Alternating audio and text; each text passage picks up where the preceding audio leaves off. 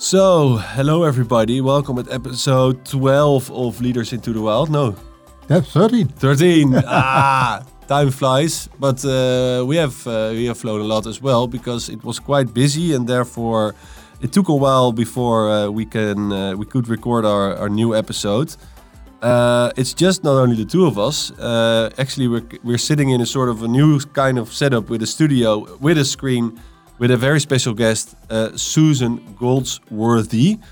Uh, my father, uh, Boy, will will share and introduce her properly in a minute. Uh, before we head off, uh, Leaders into the Wild is a podcast recorded by me, Niek van Droffelaar, my father, Boy, who is a PhD graduate in leadership and, and nature. Uh, and I'm practicing what he's preaching if, actually this morning as well, uh, because I was walking in the nature uh, together with uh, some coaching clients. And uh, if we walk in the nature, then everything is connected. And I really enjoy when a coachee says, well, the, the, the fact that we saw a deer today uh, really made me humble and, uh, and, and reflect upon that, that it's the good thing that we are here.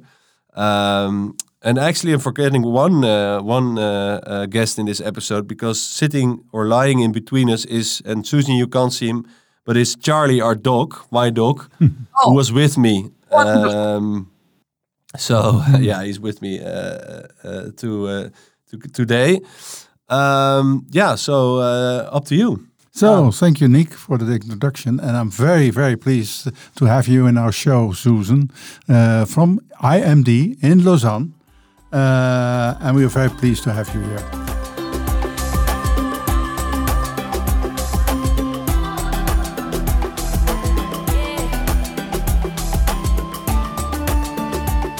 Uh, could you please introduce yourself? Who is Susan? Where does she come from? thank you, Boy, and, and, thank you. It's such a pleasure to uh, to be here with you all, because we include the dog as well. Yeah. um, and so you ask who is Susan. It's an interesting question, which I often ask myself, right? And I, I would say she's a evolving and emerging person amongst persons. And when I use the term person, I use it in the frame of the more than human, so of all living beings that uh, one of many living creatures who are fortunate enough to share this planet at the same time. Mm, wonderful, wonderful. And and how did you become professor? Ah, that's a long story, uh, but I'll give you. I can give you the short version. Um, uh, so I, I, I, had a, um, a misspent youth as a as a swimmer many many years ago. And I was fortunate enough to represent Great Britain at the Olympics, Olympic finalist, European Commonwealth bronze medalist, and British record holder.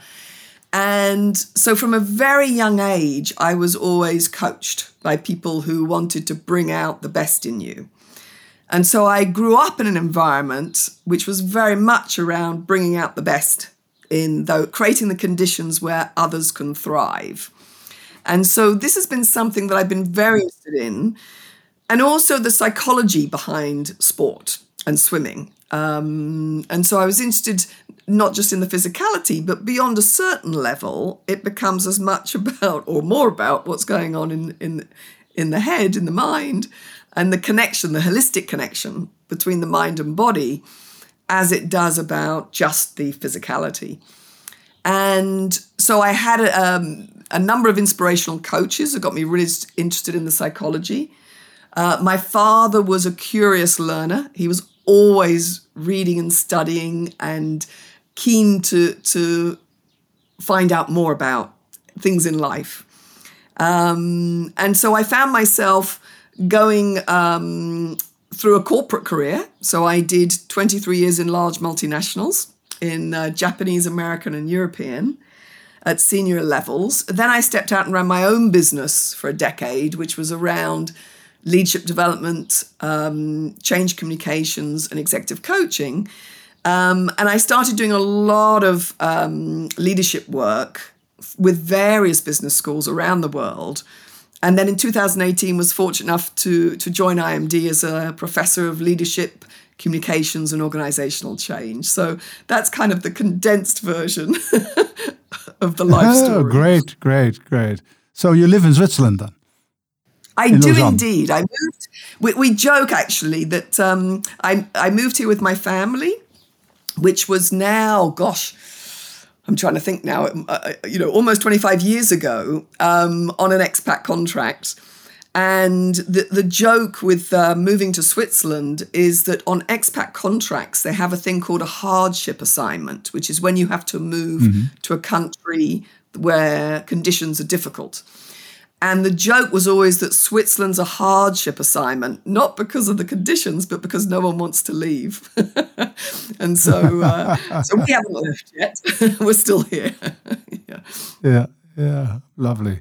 And uh, and and so you you give lectures on uh, on IMD, uh, and in what way is nature involved in those lectures? Surrounded by by mountains. Increasingly so. Absolutely. I mean, you know, as, as you say, you know, we are extremely fortunate to be living very much within nature, visible on the doorstep. Um, and uh, it's really interesting because I find I'm now in my sixth decade and I find myself connecting back to the six year old Susan, who was very much connected with the living world. And a lot of my research has been around dis- rediscovering what I call our napping knowns. So, a lot of, um, I, I think all human beings have an intimate, natural connection with nature and with animals and with the universe that is then conditioned out of us at a very young age. And we lose that connection. And then hopefully we reconnect with it later in life. But it remains there deep inside as this sort of napping known. So it, it's, it's asleep, but we know it. And that then creates a sort of internal dis-ease where we realize that we've lost that connection, um, but we don't quite know what it is we've lost. And by surrounding ourselves in nature and with nature, we can reawaken that napping known that we all, I believe, all human beings have within us from a very young age, and then find ways to live on this planet in ways that are sustainable and far more compassionate um, with ourselves and with the, with all the other species we're fortunate enough to live with. Yeah, that's interesting that you're saying about a napping known because uh, referring to my my deer, the deer I saw this morning with uh, one of the leaders I was coaching, uh, you shake up when you see a deer coming, and it's completely because it's out of your Yes. your frame of mind, which we discussed, and it's a moment of awakening uh, that you see nature and a sort of awe that you are present, and you think, well, we just passed it. It was just laying in the grass a meter or two from uh, away from us. Uh, and I think that's really interesting that you Yes. say it's uh, napping. No, because you you you got it's a, it's awake. It's an awakening experience. Yeah, yeah. Just as small as one deer. Exactly. And, and you and you stand still Absolutely. in and you stand still in silence. Huh? It's it's what what uh, I, I think Plato called nunc stans. Now stand still Mm. In time and in space and and in silence. Yes. and realize the, the very moment. Huh? It's a very, yeah. And how can you, with your experience, uh, let leaders reconnect with nature, reconnect with that innate feeling? What do you do? Yeah. So, you know, I wanted to share, yeah, I wanted to share a, a- a short poem by Rumi, which was important for me in my reawakening. And, and, and I find that sharing things like poetry and art and music and, and sculpture and, and all these different ways of knowing is a way to reawaken within ourselves those napping knowns. Um, and so let me just share the, the poem briefly.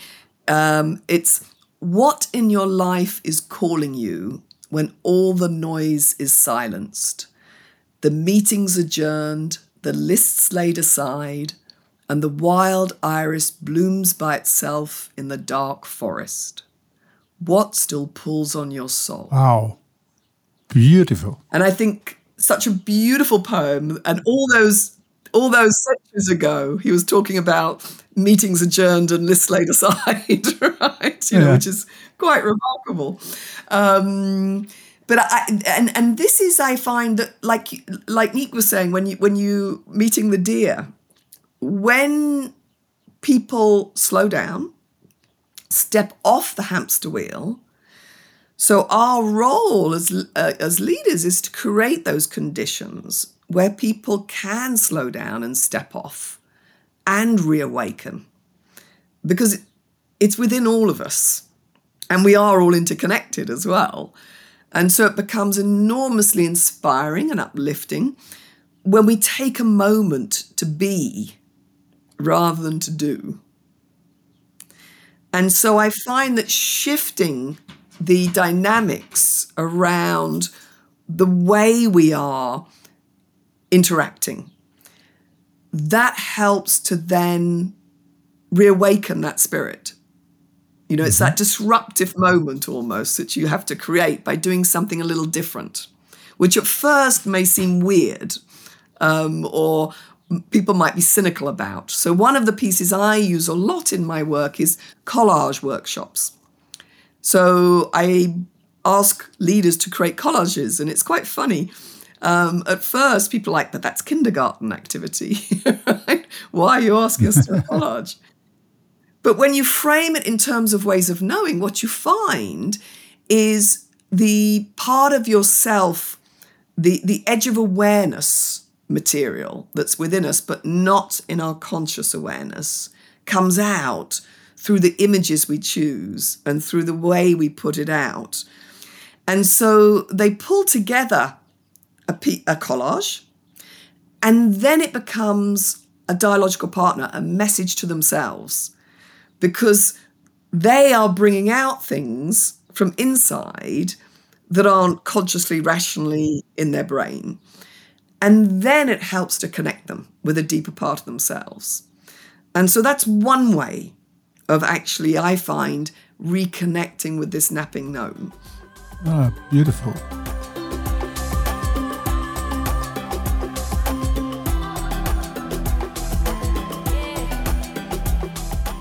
Big question is is maybe how does this sustain in leaders? So in a training situation is when they are on your course it it more it works but how does it yeah maybe before your question because what i'm quite curious what kind of intentions do you see that is coming up uh, where do you see a red line uh, in leaders today if they see if they experience that awakening through nature or through the collaging what kind of intentions do you see they want to uh, implement or or or uh, yeah what do you see happening yeah, it's a great question, Nick. Yeah, no, thank you. I mean, what, what I found is that um, I've been doing some research, a survey with leaders since April 2020, so since the pandemic, as to where they feel their energy is mostly residing.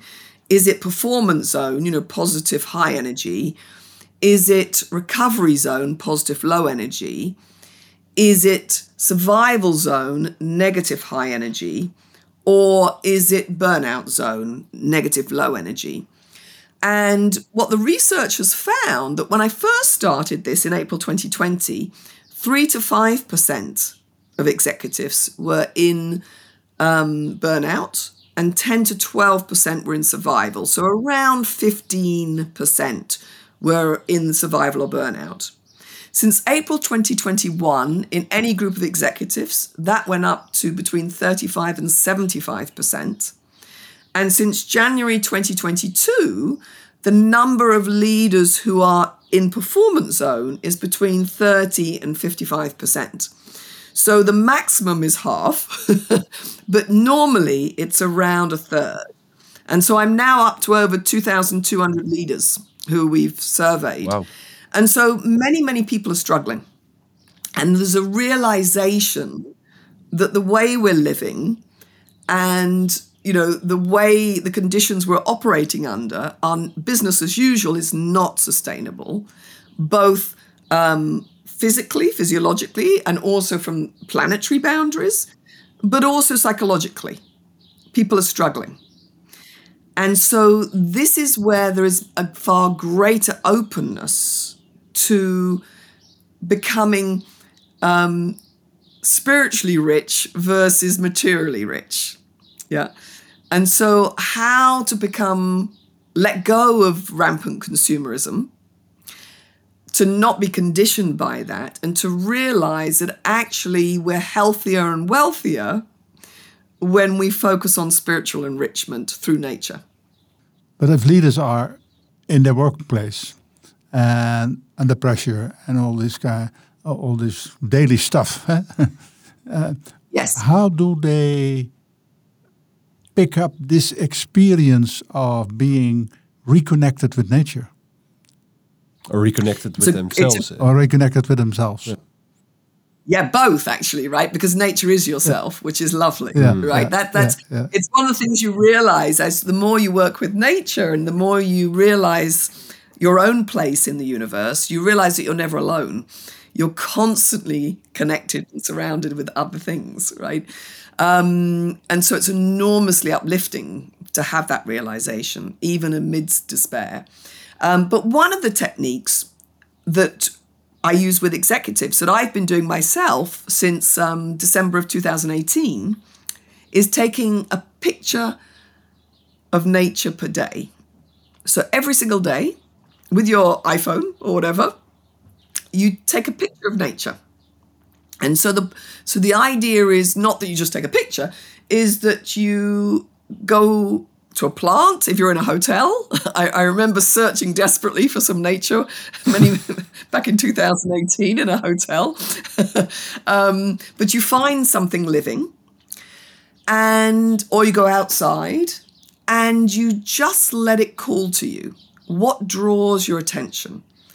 So you open yourself up, and then something draws your attention.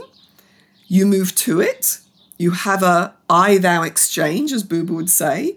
So you connect and it connects with you, and then you take a picture.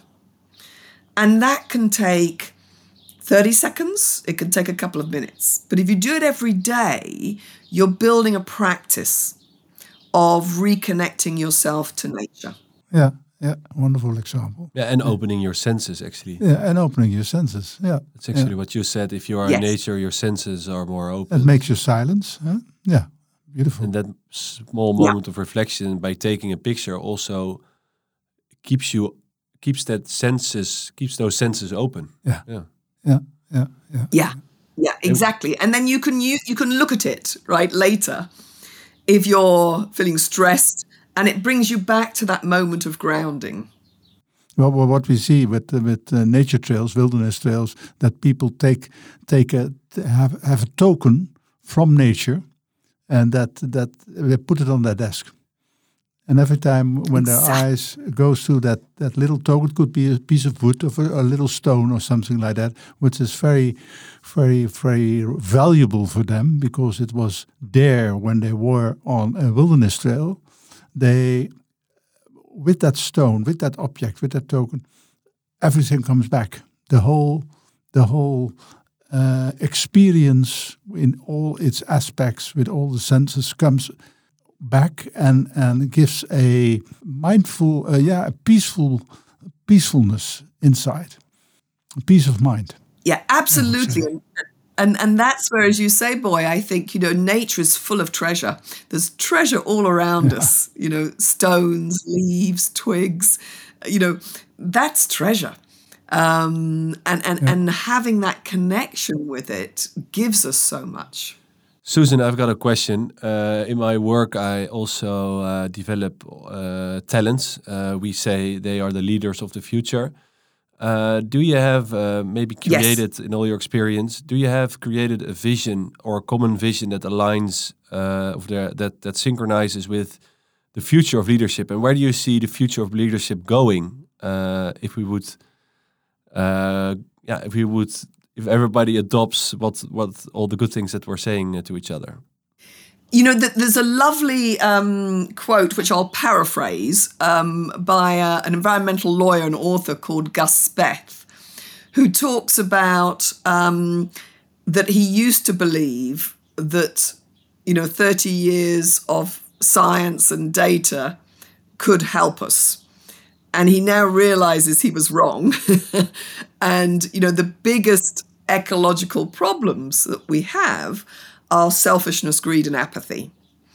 And so, you know, what's so important is to move from ego to eco and from individual to collective and to recognize our place as a part of a living planet versus apart from the living planet. So we're, we're not a species set apart that dominates and can extract and can use nature for whatever we want to because you know as we know that this year the date when we've used the entire resources that earth can offer for the year is July 28th so on July 28th we'll have used the planet's resources for the year. Anything after that we're taking more than we should. And so we're, we're operating way beyond the boundaries and so I often use the phrase it's about inner growth, outer limits. So, how do we reconcile? We need to shift our consciousness at both a cultural and spiritual level. That's the change that's required. You know, technology is a wonderful enabler, but if we apply technology using our current consciousness model, then we just exacerbate the problem and accelerate our extinction. So, to give you an example, you know, in the old days, to chop down a tree with an axe, you could chop down five trees in a day, right, with a with a handheld axe. We then invent the chainsaw, do we stop after five trees? No, we, we do the whole forest, right? Um, and so this is the problem, you know. If we do, if we just use the chainsaw for the five trees, great, but we don't. We keep going, and so this is why we can't say, well, technology will save us. It's it's our shifts in consciousness, our change in what we value, and what is truly important versus what we've created to be important that is going to enable us to continue to thrive and many of the other species on the planet to continue to thrive. So in this case, I think also young leaders have responsibility to show, uh, uh, to be a leading example of this. Oh, I, I you know, I mean, I, sadly, you know, we, I, I, think all leaders have a responsibility. I don't think it's just young leaders because the people people who've been responsible for this are the older leaders, right? Of of which I'm of that generation. And um, you know, uh, so David Attenborough is actually quoted as saying he's a sort of national treasure in the UK, and he's quoted as saying that if there's only a fragment of hope left, you have a responsibility to do something about it. And that, I think, is the responsibility we all have as leaders in today's world. And so I, I, I, think it's actually irresponsible to talk about leadership and not put it into the broader context. How can you talk about leadership and not talk about what we're doing to the planet? That's irresponsible. Susan, we know uh, that uh, I know that that you are cooperating with the Foundation for Natural Leadership for a new course on the IMD. Could you elaborate on that? How was this born? It's a wonderful question, boy, and thank you for asking. And again, I think it's a beautiful example of what happens when we all start acting with more congruence and the synchronicity that occurs when you tune into what the universe needs versus you know what we might individually need or want. Um, and and there I find the universe then acts through you.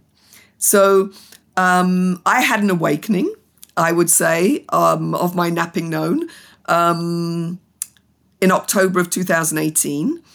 Um, I woke up in a hotel room in Berlin and I turned on the news and they were talking about the Living Planet report that had just come out. And one of the statistics, amongst the many horrific statistics, was that only 4% of mammals are wild, 34% are human, and the rest are domesticated or, or livestock, right?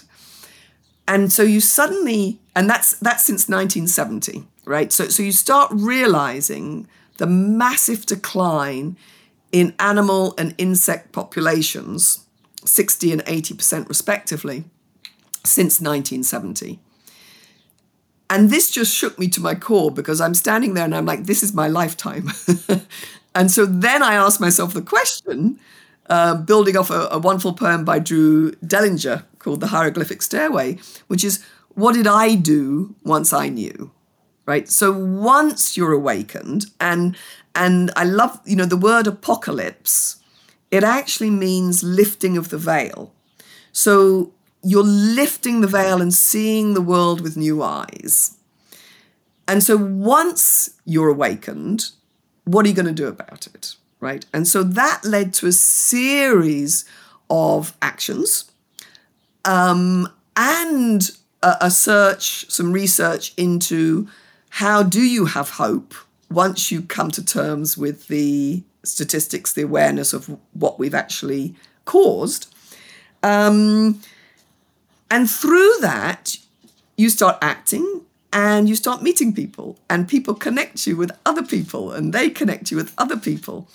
And so I, I knew a wonderful person by name of Robert Speaker, who you also know, um, who connected me through. Uh, through to V to FNL, and, and they asked, Would I like to join the supervisory board? And I'd, I'd love to join the supervisory board. This would be fantastic because, you know, Foundation for Natural Leadership is really at the heart of what's important, which is to really get people back to reawaken those napping knowns. Yeah. And so that we can all act with greater consciousness um, on the planet. And, and so then as we as we sort of connected and started meeting, this idea for this program uh, came, which which uses my doctoral research and a silent retreat into nature and combines the two. And so that's what the new program we're offering does. It, it combines sort of the findings of my doctoral research um, and ways of ways of knowing in extended epistemology. How do we know what we know?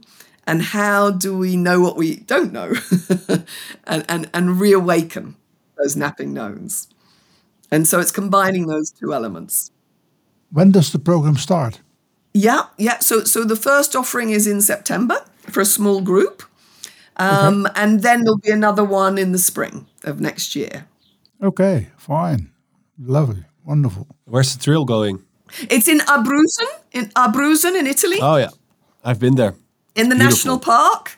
Yeah. Oh, wonderful! Beautiful. Wonderful. Yeah, it's beautiful. I've been there with the team. Fantastic. Oh, so amazing over there. Yeah. yeah. You have a terrific time. It's beautiful. Oh, it sounds yeah. wonderful. Yeah, and, and it, it really is a privilege to do that kind of work, right? I mean, it's not work. It's it's it's life, you know.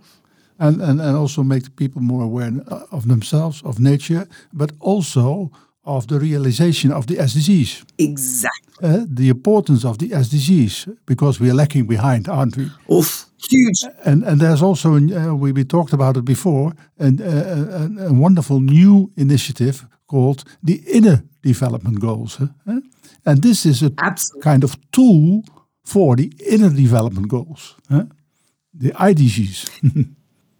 Yeah, I love it. I love it. Yeah, I mean, the, the, the, sad reality, you know, the United Nations Sustainable Development Goals, 17 of them, they were created in 2016 with targets for 2030. If we look today across the 17, where are we on the targets? The terrifying, realistic response is that we're actually meeting zero of the targets of the 17. So we're not on track for any of the 17 mm-hmm. for 2020, yep. 2030. Sorry. So this is, um, you know, this is why this is so urgent. And this is also why I think it's not about we have to match the external focus, but we have to increase the internal focus.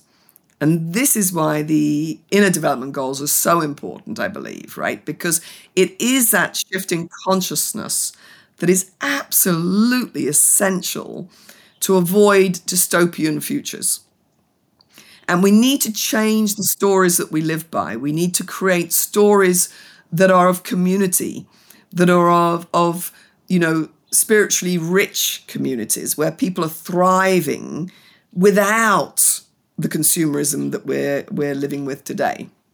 Um, because we won't be able to live in that way going forward if we want to live healthily in a good sense of well-being. And maybe as a uh, former Olympic swimmer, don't you think that we also lack ambition in achieving those goals? What would uh, the, the, Olympic swimmer Susan uh, say to, to the leaders of today? That's a lovely question. Thank you, Nick. Let me think about it.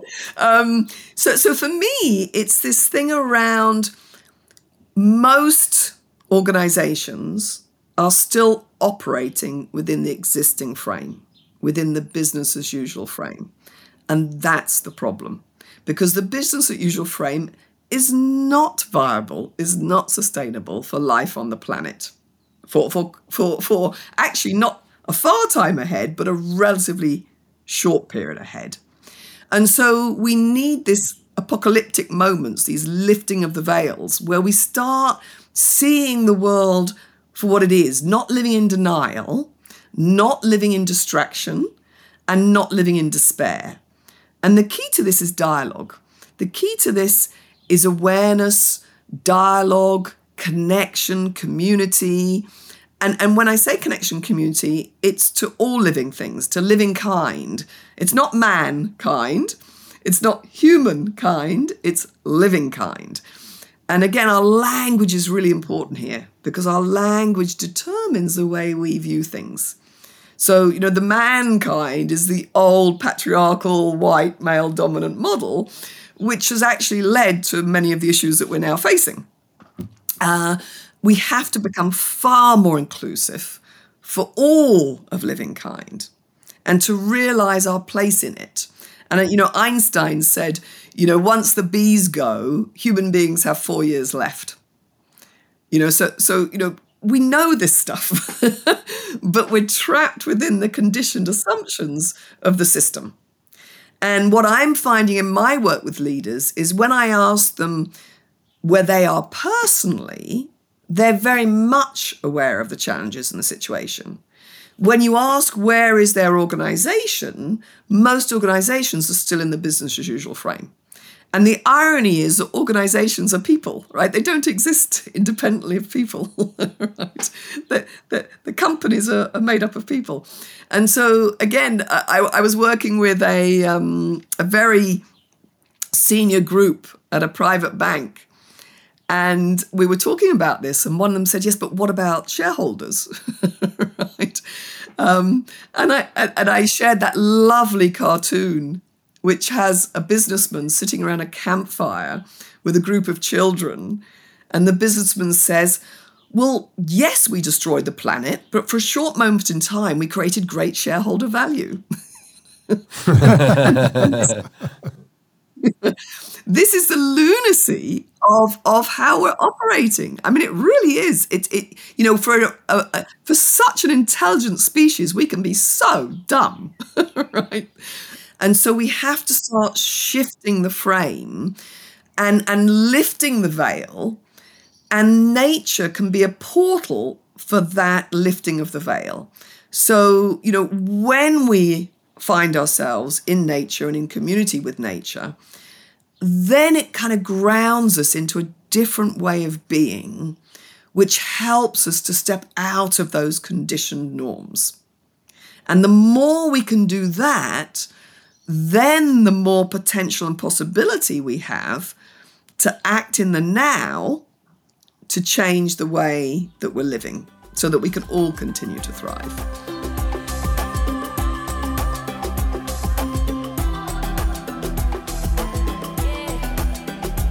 Well, we're uh, we're a little bit quiet. I think uh, yeah. all the silence is is is fine. Yeah.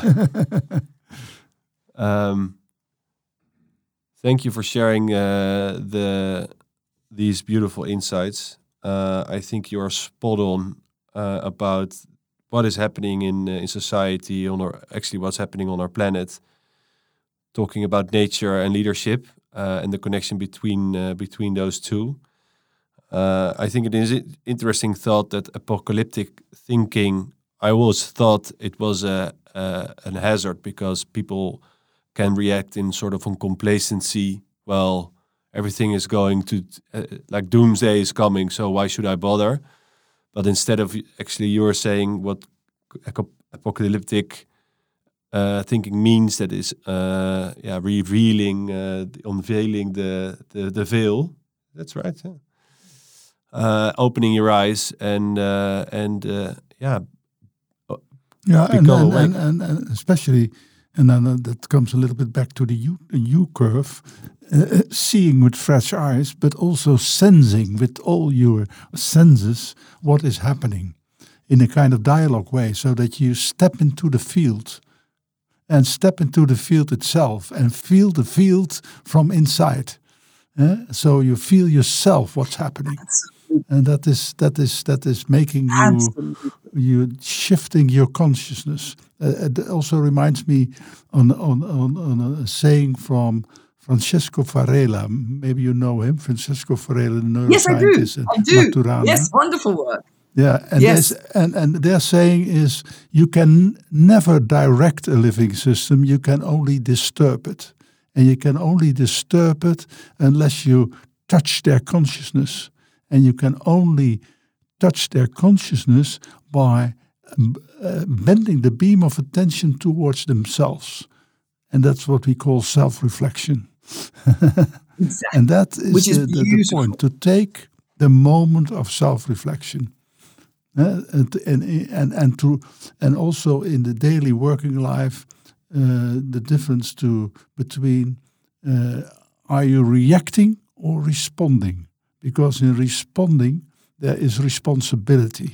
Uh, so a little bit waiting, a little bit do what Herman Wijffels always said, uh, do, do your inner work. Take time to do your inner work and then yes. speak or re or respond, and that is uh, yeah. That, and I think uh, we're a little bit at the end of our podcast. Uh, yes, so anything may, you would add? Uh, yes, no, lovely. If I just may add to that, because I love what you're sharing there. And, and for me, that very much links to the concept of hope, which I've been exploring and researching, which is before I started this work, I, I kind of viewed hope as elusive and as passive and as future oriented. What I've realized from my research is it's accessible, it's active, and it's present oriented. And so hope enables us to act now in the moment, irrespective of future outcome. Because, as Václav Havel says, it makes sense right? So, so what we're doing makes sense. And therefore, it gives us hope to act now. And hope and action are inextricably linked. Also, hope and despair. And so one of, you know, one of the things I've discovered is it's not hope or despair. You can face the full facts of what we're doing on this planet, feel the sense of despair, feel the grief, bear witness to that and still have hope and still act. And that is the enormous agency that we have and the difference that we can all make, especially when we connect more broadly with the magic of the extraordinary ordinary and marvel at the mundane. Mm. Yeah, beautiful. Uh, beautiful, Susan. Susan. Well, thank you, Susan. Uh, it's been an honor and pleasure to uh, engage into uh, to this dialogue together with a professor and a doctor engineer. Uh, uh, I, I, can't say that often uh, that I'm in a room with such bright, bright minds and and beautiful souls. I think we all feel that nature is is the nature within us is rich and that everybody has that source of wisdom in, it. And it's everybody's own responsibility and not only the leaders because everybody is the leader of their own life and their own future to take the responsibility uh, for for now and and for the for the years uh, to come. And let's not forget yourself. Yeah, of course. because you are a bright psychologist working for the transformation group and practicing what we preach. what we preach. Yeah, I'm practicing what you're preaching. So I'm very humble and and very grateful that I'm uh, I can continue this job uh, with uh, with enough confidence uh, because it's supported by uh, by you and and all the others uh, at IMD school and of course uh, all the people at FNL. So thank you for uh, for your for your time. Thank you for your thoughts and uh, the best of luck with your first uh, trail with the FNL in Abruzzo. Thank you. Um, Thank you. It's been last time I went, my father said, "Be aware of bears because there are bears in Abruzzo." But uh, that's also part of nature. I hope you have a good guide, but uh, I think you manage. absolutely. it's a, it's been a privilege. It's been a privilege and an absolute pleasure to speak with you both. Um, thank you for inviting me, and and here may we all awaken our napping gnome. Lovely. Thank you very much, Susan. Thanks. And uh, we hope to see you, you. soon. Bye bye. Bye bye. Absolutely, big hugs. Thank you.